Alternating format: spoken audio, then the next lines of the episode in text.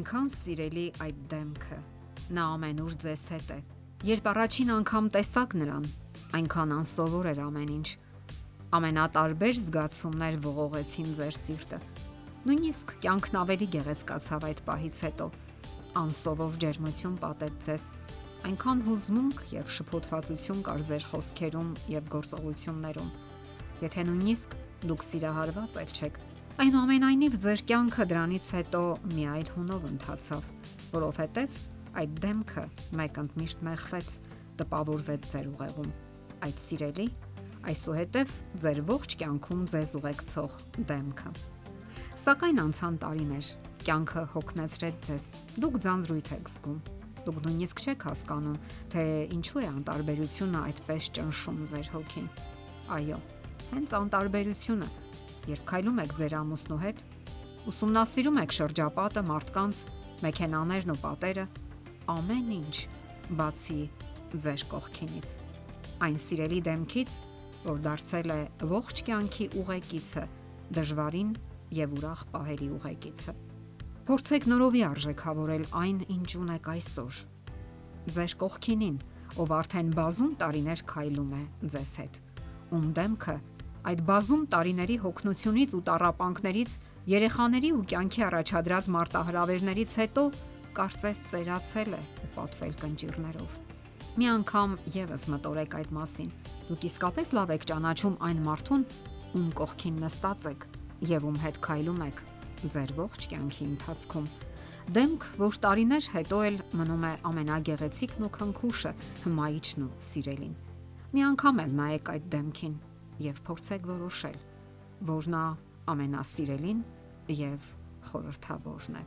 Գերմանացի գրող Հայնրիխ Բյոլի ստեղծագործություններից մեկում կարդում ենք հերոսուհու մտորումները։ Ես տեսնում եմ Ֆրեդի դեմքը։ Կյանքը անողոք ձևով ծերացրել եւ ամայացրել է այն։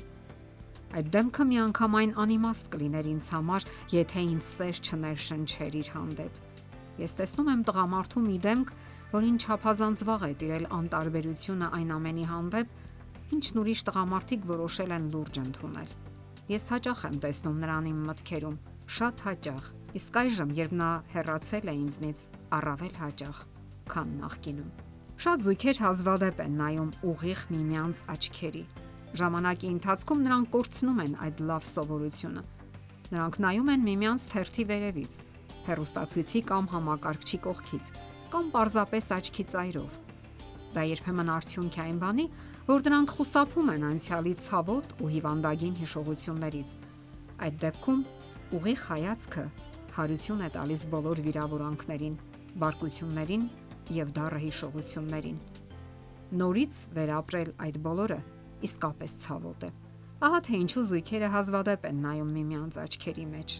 երբ դժվարությունների են հանդիպում։ Եվ այնուամենայնիվ պետք չէ խուսափել միմյանց աչքերի նայելուց Տեսողական կոնտակտը նվազում է նաև այն դեպքում, երբ հարկ է լինում ինչ որ բան թաքցնել կողակցից։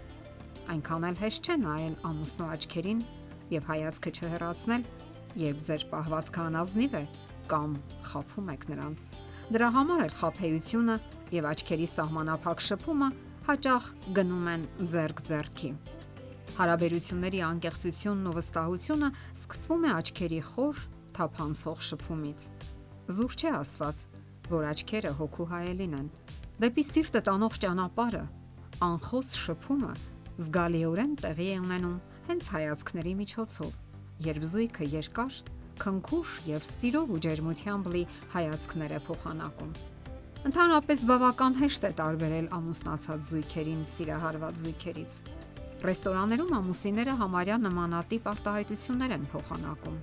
Զգույշ, այսինչ բանը դուր խնդրեմ, Այսինչ ուտելիքի համը ոչինչ, լավն էր կամ վատն էր եւ այլն։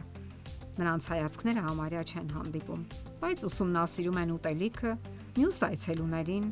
ամեն ինչ։ Իսկ ահա սիրահարները չեն շտապում։ Նրանք ջերմությամբ նայում են միմյանց աչքերի, ավելի շատ են զրուցում։ Նրանց ձեռքերը միաձուլված են,